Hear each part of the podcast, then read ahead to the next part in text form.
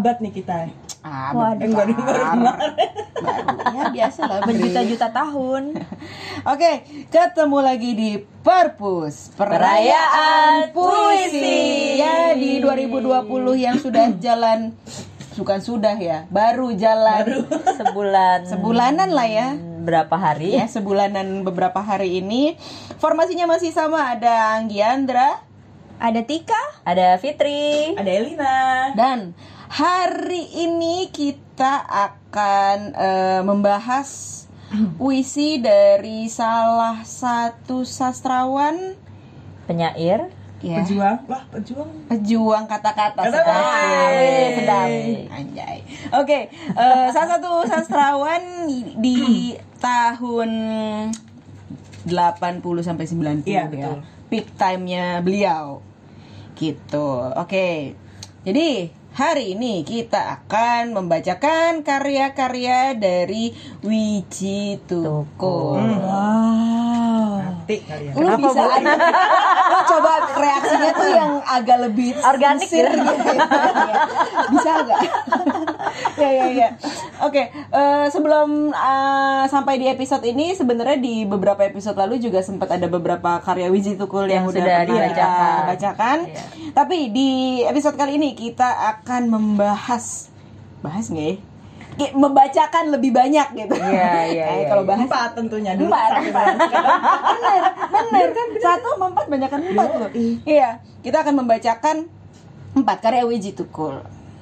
Ya udah. Aduh, sebenarnya sayang banget ya. Gue tuh punya bayangan episode Wiji Tukul ini pengen baca bareng Edu. Ah iya pas ya Bang Edu. Oh, iya, yang iya. dulu bermain di? Istilah Oh, iya, lagi iya, iya, istilah bisa. kata-kata. Namun- sehingga kita bisa punya insight yang lebih lah mungkin dari dia lebih Iya, tahu. ya udah lama juga ya kita nggak kedatangan bintang tamu Oh, gitu ya. oh. Mungkin ya. Sibuk semua sih bintang tamu. Ya mungkin kalau yang denger ini pengen jadi bintang tamu bisa di post gitu. langsung ya mention kita aja Langsung gitu. aja. Kalian nggak harus terkenal enggak? Please Enggak. mention please. Mention. minimal follower IG 500 lah Iya. Iya iya, dan bukan followers beli ya. Nggak beli ya. Nggak beli ya. Goal Anda 2020 ya. Oke, kalau gitu eh pui, pui- puasa, puisi masih jauh. Puisi pertama siapa yang mau baca pertama nih? oh Alhamdulillah saya terakhir aja. kalau dari sana mah. Iya, oke. Puisi pertama ini akan kita berikan pada Fitri Asari. Mantap. Baiklah, asik.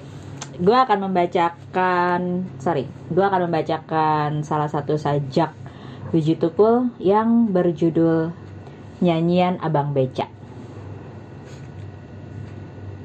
Jika harga minyak munda, Simbok semakin acek berkelahi sama bapak. Harga minyak munda, lombok-lombok akan munda, sandang pangan akan munda, maka terpaksa tukang-tukang lebon lintah darat bang plecit tukang kredit harus dilayani. Siapa tidak marah bila kebutuhan hidup semakin mendesak? 1.500 uang belanja tertinggi dari bapak untuk Simbo. Siapa bisa mencukupi? Sedangkan kebutuhan hidup semakin mendesak. Maka Simbo pun akan mencak-mencak. Pak, pak, anak kita kebajot metu papat loh. Bayaran sekolahnya anak-anak nunggak loh. Si penceng muntah ngising. Perutku malah sudah isi lagi. Dan sok selasa pon ono sumbangan meneh. Si sebloh dadi manten. Jika BBM kembali menginjak, namun juga masih disebut langkah-langkah kebijaksanaan, maka aku tidak akan lagi memohon pembangunan. Nasib kepadamu duh pangeran, duh gusti, sebab nasib adalah permainan kekuasaan. Lampu butuh menyala, menyala butuh minyak, perut butuh kenyang, kenyang butuh diisi. Namun bapak cuma abang becak, maka apabila becak pusaka keluarga pulang tanpa membawa uang, Simbo akan kembali mengajak berkelahi bapak. Solo 1984 Ya. Kayak naskah teater ya iya iya. Terbayang adegannya ya Iya iya iya iya. Wah ini Apa sih Aci Munda? Oh, international Bukan jebolan. Semarang nih. Kalau Ya kan saya- kali ada pendengar nggak Iya. ngerti. Oh, iya. Iya iya, buat yang nggak ngerti ya saya memberikan eh, sedikit eh, translation. Eh Simbo mencak-mencak tuh marah-marah. Yes. Pak, pak anak kita kebacot metu papat loh. Jadi mereka sudah terlanjur. terlanjur punya anak empat. Terus bayaran sekolah nunggak tuh naik. Terus si penceng salah satu anaknya tuh eh, muntaber, muntah ngising. Terus perutnya udah isi lagi dia udah eh, hamil lagi. So selasa pon ada sumbangan eh, si sebloh ngantenan gitu kurang lebih yang harus di eh, apa tadi translate ya Translate. ngerti ya paham ya intinya Paham, ini oh, paham. Ini eh, sajak yang merepresentasikan eh, orang kecil waktu Mm-mm. ya Protes atas naiknya harga. naiknya harga minyak, Iya. harga BBM. Tapi emang eh, bener sih kayak naskah teater ya. Ketika lo bacain tadi, langsung kebayang ada sebuah set perkampungan kumuh dengan anak kecil yang berisik. Bapaknya baru pulang, Uh-uh. masih dengan good morning Uh-uh. di leher. Iya beca, eh, Iya, bawa beca, istrinya langsung istrinya merepet hamil kayak- gede Uh-uh. dan marah-marah. Iya iya. Tapi emang salah satu yang membuat karya-karya dari Wiji Tukul ini menarik ya kalau misalnya misalnya lagi baca-baca karyanya beliau gitu tuh rasanya tuh kayak gue selalu ngebayangin beliau tuh lagi duduk sambil dengerin ada curhatan dari tetangga atau dia menangkap memang ada situasi-situasi yang emang di depan mata dia di gitu loh. sekitarnya dia. dan dia translate itu jadi sebuah tulisan jadi apa ya gue belum pernah menemukan sajaknya terasa pretensius gitu loh Hmm, Gam- apa adanya aja gitu ya. banget. Heeh. dan grassroots banget grassroots banget grassroots Grassroots ki apa? juga. Gue udah menduga salah seorang dari akan nanya adalah rumput. root adalah akar grassroots Oh. akar rumput Oh, oh ini mau semua. Oh, belok ke ngomongin film nyanyi anak rumput itu oh ya? enggak sih enggak enggak, enggak. Enggak, gitu ada lagi yang hasil ininya apa nih Eh, kajian asik kajian Asik kajian. Eh, apa ya? Gua nggak prepare kajian apa-apa sih karena ini baru nemu tadi. Lo- lo baru nyari nggak? tadi. Ya, jangan sampai pendengar tahu kalau kita kurang prepare Oh, gitu iya, loh iya, maksud maaf, maaf. gue. ah, Nggak tahu tadi kan waktu lagi nyari itu eh, maksudnya gue terpincut apa sih iya, iya, lo terpincut apa ya? pada puisi yang ini gitu karena Ah. eh, apa ya karena ada gue bisa merasakan kemarahannya Wiji Tukul ini gitu Hmm. maksudnya dia kemarahan dia dan mungkin juga eh, orang-orang yang dia wakili Hmm. tanpa diminta ya maksudnya dia Hmm. memang merepresentasikan itu terus eh, ya nggak tahu catchy aja kata-katanya buat gue tadi waktu baca jadi gue pilih puisi ini Hmm, iya sih. si biji tukul itu tuh pernah frustasi nggak ya? Maksudnya eh, dia itu kan berjuang lewat kata-kata ya dan banyak banget yang dia saksikan mungkin orang-orang sekeliling dari eh, apalagi kalau perjalanan pelariannya dia. Tapi selama perjuangannya dia itu kan katakanlah tidak ada banyak perubahan di pemerintah, Hmm. tidak ada banyak perubahan di kehidupan sosial. Dia frustasi nggak ya? Maksud gue Iya, iya, iya, selama iya, dia menuliskan itu tuh ya mungkin dia memang frustasi tapi banyak. dia eh, maksudnya mengalihkannya menjadi Karya. tulisan-tulisan Iya, itu karena iya, ya benar sih. Karena kan nggak ada nggak ada perubahan secara sosial.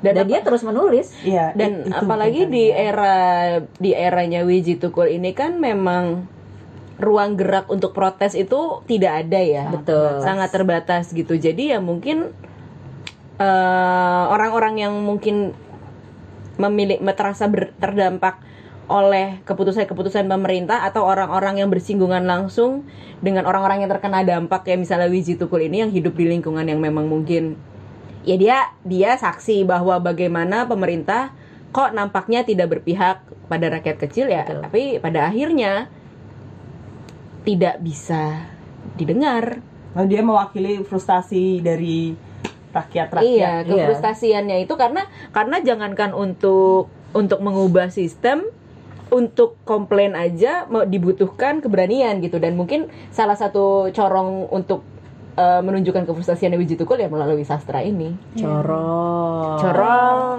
Jadi gue pernah dengar eh, podcastnya eh, Lela Hudori ngobrol sama Ayu Utami. Hmm. ah gue belum denger Ya, bagus. Mereka Iya, pokoknya ya. membahas tentang eh, korban-korban 65 dan ditulis eh, dalam karya sastra gitu. Terus ada kutipan menarik dari Mbak Ayu gitu. Dia bilang kalau eh, selama eh, pemerintah tidak mengakui apa yang mereka lakukan di Mhm. masa lalu, Nggak sastrawan tuh harus terus Oh. menuliskannya supaya orang tidak lupa. lupa. Nah, Oh, mungkin itulah statement. ya yang dilakukan Hashtag Tukul juga gitu Iya. kan. Maksudnya eh, salah satu cara perjuangan ya itu lewat tulisan. Hmm. Ya, dia Iya, bisa iya. mewakili suara orang-orang saat pada saat itu gitu. Iya. Juga buat apa ya sebagai ya penyambung gitu loh ya. Jadi mungkin eh, sajaknya dia bisa nyampe gitu ke pemerintah.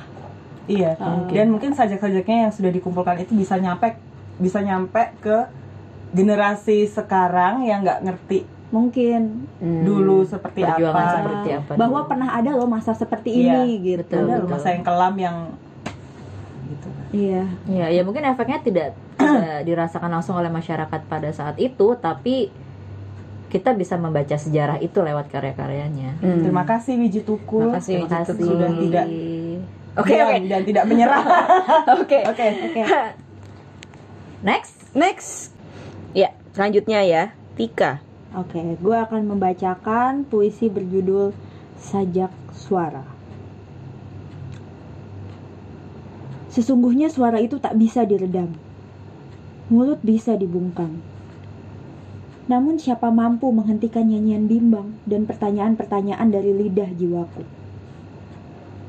Suara-suara itu tak bisa dipenjarakan. Di sana bersemayam kemerdekaan. Apabila engkau memaksa diam aku, siapkan untukmu. Pemberontakan.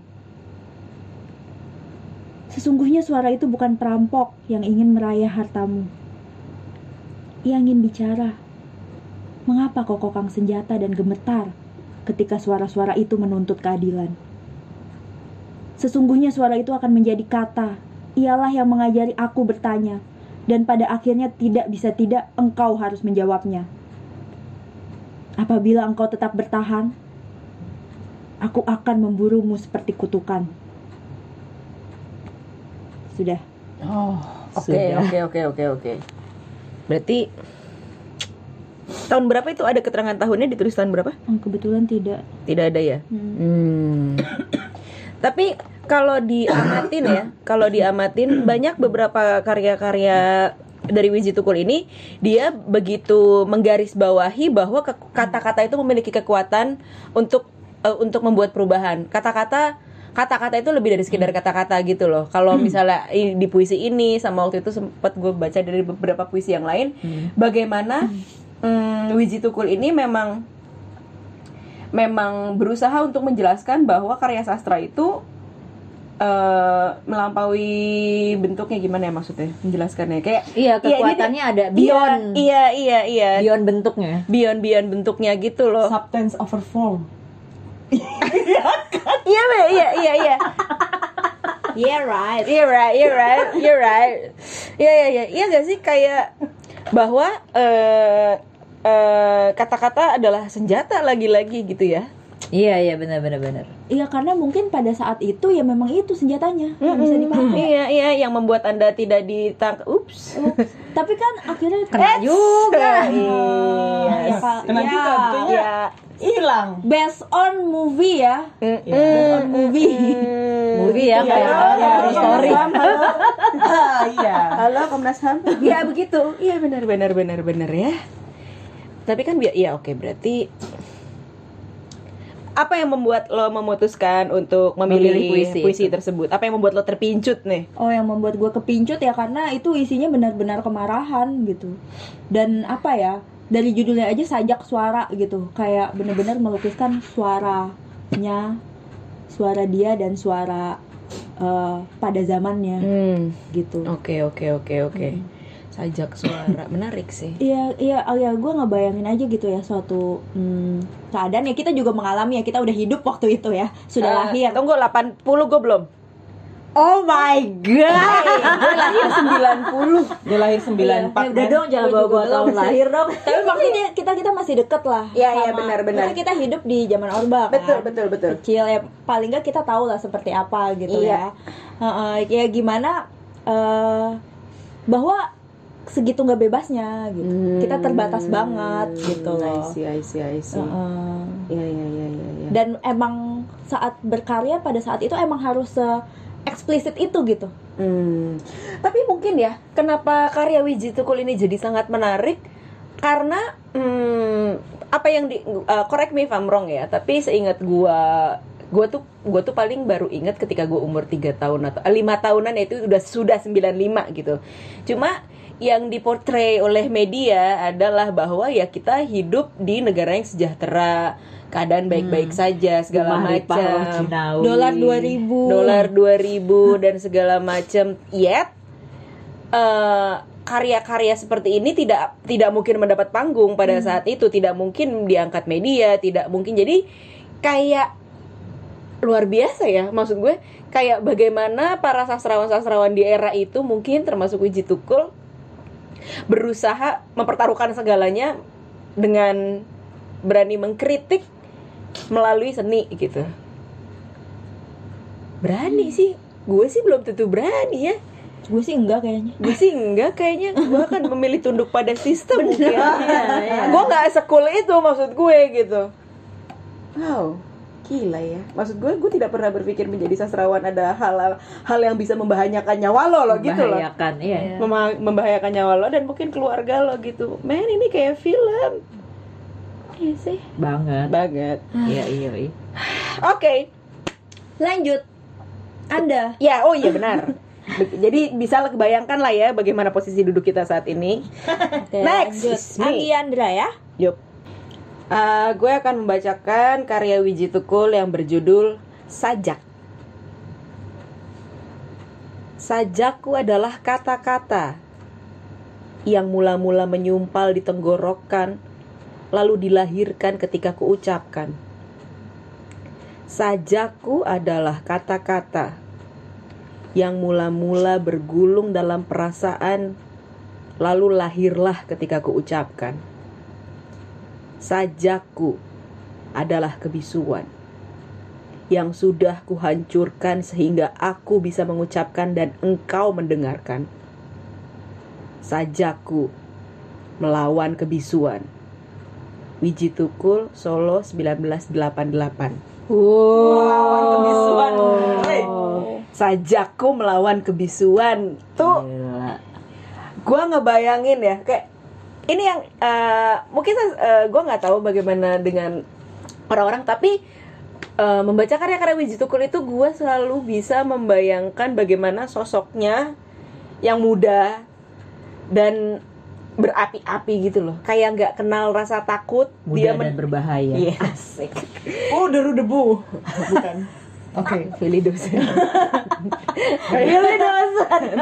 Kembali ke Iya, oke. Iya nggak sih kayak hmm, sajaknya itu gue tuh gue tuh mengklasifikasikan sajak Wiji Tukul itu sebagai dua genre. Bisa dia yang selalu penuh amarah dan mengkritik sistem dengan serius dan dan amarah. dan dia dan sangat bersemangat gitu. Tapi ada juga bagaimana dia mengkritik sistem dengan jenaka kayak yang tadi Abang Beca Heeh, heeh. Ya Bang Beca itu kan sebenarnya sangat ironis ya, cuma dia menyisipkan eh, baris, baris apa kata-kata yang bisa dija- bisa kayak kita menertawakan Bisa diguyon, iya. Iya, kita menertawakan ironis sebenarnya. iya, menertawakan Iya. penderitaan sebenarnya gitu. Ya itu sih yang membuat karya-karyanya Wiji Tukul ini selalu mudah mudah kita cerna, mungkin mudah kita nikmati gitu karena ya lempeng aja. Apa yang lo baca ya itu gitu loh. Benar. Iya nggak sih? Benar kata lo tadi, nggak Heeh, pretensius nggak gitu. pretensius. Nggak muluk-muluk. Mm-mm, jadi ada beberapa ada beberapa eh, sastrawan eh, yang memang menulis sajak dengan pilihan kata-kata yang sedikit lebih tinggi atau kata-kata dengan benar-benar dipikirkan eh, indah atau tidaknya gitu. Yang mana nggak salah gitu ya. Ya udah gitu kan. Cuma eh Bung Wiji ini tuh nampaknya ya memang menjadikan tulisan itu sebagai tempat dia untuk eh, mengekspresikan buah pikiran dan perasaan sih. Jadi ya ya udah. Anaknya gue penasaran zodiaknya apa sih? Anak zodiak ya. nah, gitu. Membaranya sih Aries ya. Eh, Wiji Tukul. Wiji Tukul. Tapi kalau tadi balik ke puisinya Fitri tadi, gue ngebayangin puisi itu kayak pusing gitu ya, ada di kondisi kayak gitu Iya, ya. iya. lumayan Sebagai si abang itu. empat Heeh. Eh, kelima dalam perjalanan ya. iya terus Gue Yang itu antara band. gua udah tahu maksudnya ya ya kita tahu lah ya eh, apa orang-orang yang dalam keadaan ekonomi seperti itu terus iya eh, maksudnya eh, kita bisa aja dengan mudah bilang ya lu salah sendiri Oh, nggak bagus tahu hidup susah anak banyak gitu. iya Iya. bikin anak mulu ya gimana ya bu nggak Iya. liburan iya benar Tapi benar benar bener. Dan itu nggak terjadi di tahun tadi 84 ya kalau nggak salah ya. iya Gue waktu kerja di daerah Kalibata tahun 2000 sekitar 2010 2011 eh, di dekat daerah kantor gue itu kan ada ya eh, manusia gerobak Oh, iya. iya iya tinggalnya iya di gerobak Eh, setiap gue jalan sama teman gue gitu kalau ngelewatin daerah kantor mereka tuh anaknya lima bu dan mereka tinggal di gerobak ada satu anaknya gue inget banget karena masih eh, inget banget gue di bayangan tuh anaknya masih bayi Hmm. Nah, dan orang itu benar banget tadi kata Fitri. Orang orang gampang banget dia bilang, "Ya lu mah udah tau kondisi begini ngapain punya anak banyak?" Tapi kan itu juga menurut gue satu kegagalan pemerintah sih. Iya. Lo membiarkan orang beberapa masyarakat yang nggak ngerti iya gimana harus memanage gitu kan. iya belum lagi alat kontrasepsi Oh, mahal. ternyata itu ya masih Iya, betul, dari betul. tahun 80-an masih aja. Puisi itu relevan untuk sekarang. iya Iya, dan eh, kenapa gue memilih nggak ada yang nanya? Kenapa gue memilih puisi? Oh iya, kenapa Anda memilih puisi ini? Oke, kenapa gue memilih puisi ini? Karena hmm, apa ya? Ya selama ini gue selalu bertanya-tanya gitu kan, kayak kenapa sih? eh, kenapa Wiji Tukul selalu marah dalam puisinya kayak gitu? Kenapa gitu? Ya karena itu tadi. karena Aries bukan Bukan, dia Virgo. Oh, Virgo. Virgo. Iya bisa ada ada. ada ada ada bau bau Ada Virgonya Virgonya, yang iya, kayak iya, iya. keras. Aku selalu benar tuh Virgo. Wiji Tukul yang bernama asli Wiji Wijodo Dimba. lahir di Surakarta Jawa Tengah 26 Agustus 1963 Oh, Tuh, udah iya. masuk Virgo doi. Itu masuk Virgo ya, Virgo bulan bau bau ya? Leo. Tuh. Oh, Aduh. wah, memang. Anyway, lepas dari hal-hal yang berbau klinik barusan, eh, iya sih karena eh, sajak yang apa puisi yang tadi ber, eh, puisi yang sajak berjudul sajak saja itu ibaratnya Wiji Tukul tuh sedang menempatkan dirinya gitu loh nih gue di sini hmm. kayak gitu. Nih kayak positioning gue tuh di sini. Iya, iya. gue di sini membuat sajak dan sajak gue adalah untuk melawan kebisuan. That's it. bah statement bro. Statement. Statement. Oke oke oke Emang itu belum ada hashtag sih ya. Iya belum ada hashtag boro-boro hashtag duit makan dari susah. Iya, iya, oke. Lanjut. narik ya. Sekarang eh, terakhir nih kita ke International Elin. student. yeah do you want to uh, say something in English maybe Yes, of course. This my next poem from Vijituku in English. Oke lanjut ya. Okay. Uh, so this is gonna be in English. okay Like really? okay it's okay Judulnya Asmoro Dono. Setelah ini akan ada translation. Oke, oke, Oke, oke. Siap. Oke. Inggris belah mana itu Ada. Asmoro Dono. Maburo. Maburo menyang endi? Aku orang gondeli. Maburo. Maburo tekan ngendi aku tetep nututi. Tresnaku Merdiko Cahayu. Semarang Februari 86. Singkat ya. Gue gak ngerti Ternyata loh. Wiji Tuku punya puisi cinta juga. Enggak, tapi tapi tapi lucu ya. Maksud gue eh, eh eh, bentar bentar ada yang nggak ngerti Oh, iya, oke, ditranslate. Anda- Oke, Anda orang eh, Jogja, eh, oke. pencet dulu subtitle tit. Asmara Dana. Wait. Eh, terbanglah. Terbanglah sampai ke mana aku tidak akan eh, Menahan. tidak akan menahan I just forgot what is Gondeli Godel. terbanglah Gateli. terbanglah sampai ke mana aku akan tetap mengikuti kasihku merdeka Cahayu Oh. gila nggak? Bentar, bentar, bentar, bentar, bentar. gue Tapi aduh, dari Tapi dari ada kata-kata kasihku merdeka. tresnaku merdeko Cahayu Duh, Tetap ada kata-kata merdeka ya. betul. Gue membayangkan dia menyetir opini. gue membayangkan eh, puisi ini gue nggak tahu ya tahun 86 Februari 86 itu Wiji Tukul pas posisi di mana gue nggak tahu. Tapi gue membayangkan Wiji Tukul ini kan kehidupannya nggak stabil dengan keluarganya mungkin ya. Dia nggak mungkin ada satu waktu dia harus eh, pisah sama keluarga segala macam. Puisi ini tuh gue lebih membayangkan bahwa ini untuk istrinya untuk orang-orang yang dikasihi bahwa ke mana pun dia pergi dia akan tetap ada cintanya dia itu tetap ada tapi ya dalam bentuk yang merdeka tidak selalu ada secara fisik tidak mengikat tidak mengikat Benar. Tapi gitu ada hal ada hal menarik yang jadi jadi gue pikirin ini nih. ya. bisa diartikan luas lagi lebih luas lagi sih Iya, ada hal menarik yang yang gue pikirin jadi gini. Kadang ketika misalnya kita nulis puisi gitu ya, kita untuk untuk untuk puisi yang melibat tentang cinta gitu atau melibatkan emosi yang dalam, kita cenderung memilih bahasa yang kita rasa paling dekat dengan kita. Betul. Nah, iya iya. Antara- bahasa Iya, Jawa. iya. antara iya, iya. karena ada kan beberapa teman gue lebih nyaman nulis puisi cinta pakai bahasa Inggris Iya. ada yang lebih nyaman puisi bikin puisi cinta pakai bahasa Indonesia atau pakai bahasa ya yang dirasa dek paling paling bisa mewakili apa yang dia Iya, iya. rasa jadi bagaimana kita melihat eh, ya Wiji Tukul yang born and raised sebagai Jawa Orang Tulen Jawa, gitu kan ya pasti native Iya. speakernya Jawa Yes. gitu ketika dia memilih untuk membuat puisi eh puisi Puisi. puisi full maksud gue membuat puisi full bahasa Sunda membuat puisi full dengan bahasa Jawa itu antara itu gemes banget sih wow gue tidak melihat Iya, iya. ternyata ada ada sisi Iya, dari. Wiji Tukul ya regardless mengejutkan loh. Terima kasih ya Lina. oh yes yes Oh, iya. yes Regard- Enggak, gue sebenarnya karena eh, gue pernah beli majalah Tempo yang eh, bonusnya adalah satu buku kecil kumpulan puisi Puji Tukul. Di situ ada satu sesi khusus memang puisi bahasa Jawa ah, dan kebanyakan oke. memang benar puisi bahasa Jawanya dia itu ditujukan bagi kerinduannya dia untuk rumah, untuk keluarganya. iya iya iya, Kak, iya.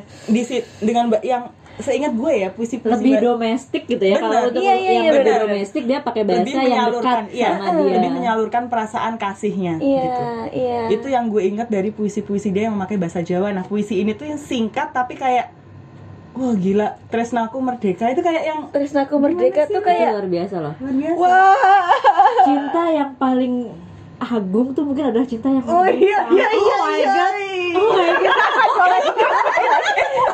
Jamil Jamil Betul nih pemirsa Rasul Jamil Jamil Enggak kalau misalnya lo nonton istirahatlah kata-kata itu kan eh, ada momen-momen jelas banget ya saat dia harus ngumpet gitu kabur Iya, dia iya, jauh iya, sama iya, keluarganya iya. mungkin di saat-saat itu ya Betul. di saat-saat dia kesepian ingat Itu. keluarganya terus dia tulis puisi-puisi dengan bahasa itu Jawa yang mungkin memang lebih dekat sama dia gitu ya. Kayak puisi yang ini personal gue gitu. Mm-mm. Ini ini Wiji yang di rumah yang nulis, bukan Iya. Wiji yang ada di Bukan depan Wiji yang demo. pejuang gitu bukan ya, Wiji bukan yang Wiji yang itu. Ini pejuang adalah. Wiji di, Wiji yang di rumah, Wiji yang uh, dekat dengan kamu Betul. gitu. Misalnya, aduh, ya Iya, Allah. tapi Wiji itu Wiji yang di rumah itu harus berkorban iya. demi Wiji Iya. yang untuk halayak. Dan nggak kalah perjuangan keluarganya itu juga lebih Betul, betul. anak-anaknya sekarang sampai sekarang masih menanyakan ke mana bapak gue gitu kan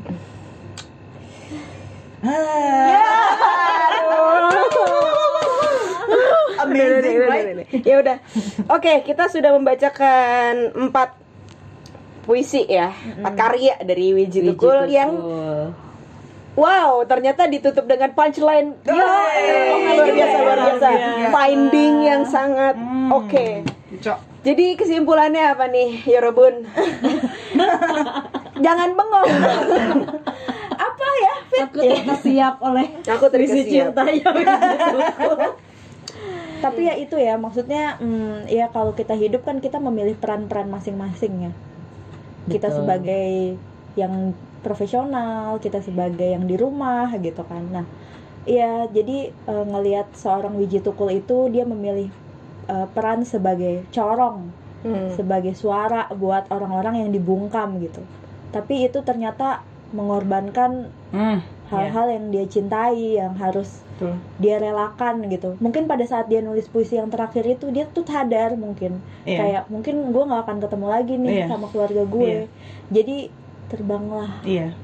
Iya. tapi aku tetap mencintaimu Hmm, gitu Oke. Aku tetap nututi. Iya. Hmm. Hmm. Jadi mungkin kalau memang misalnya kalian lagi butuh referensi, pengen atau sering mendengar nama Wiji Tukul tapi nggak pernah benar-benar membaca karyanya atau belum membaca karyanya, sangat-sangat menarik untuk dibaca, sangat-sangat menarik kayak gitu. Sih kalau dari gue yang lain maybe. kalau mau tahu lebih lanjut gitu tentang Wiji Tukul, sosok Wiji Tukul, mungkin bisa dibaca tuh yang mm, edisi spesialnya Tempo.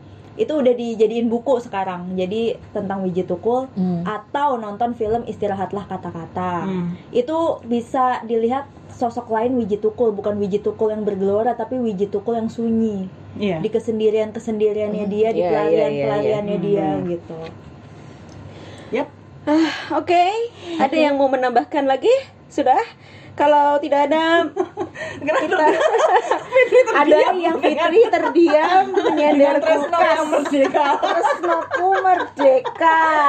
Oke, Merdeka. terima kasih sudah mendengarkan podcast episode Wiji Tuku. Merdeka.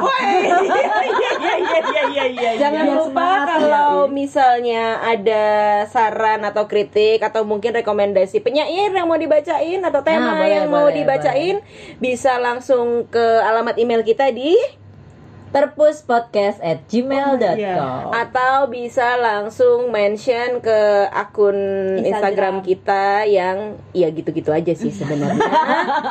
Oke, ya udah. Oke, thank you. Terima kasih dan sampai kasih. jumpa lagi di Bye. perpus selanjutnya. Dadah.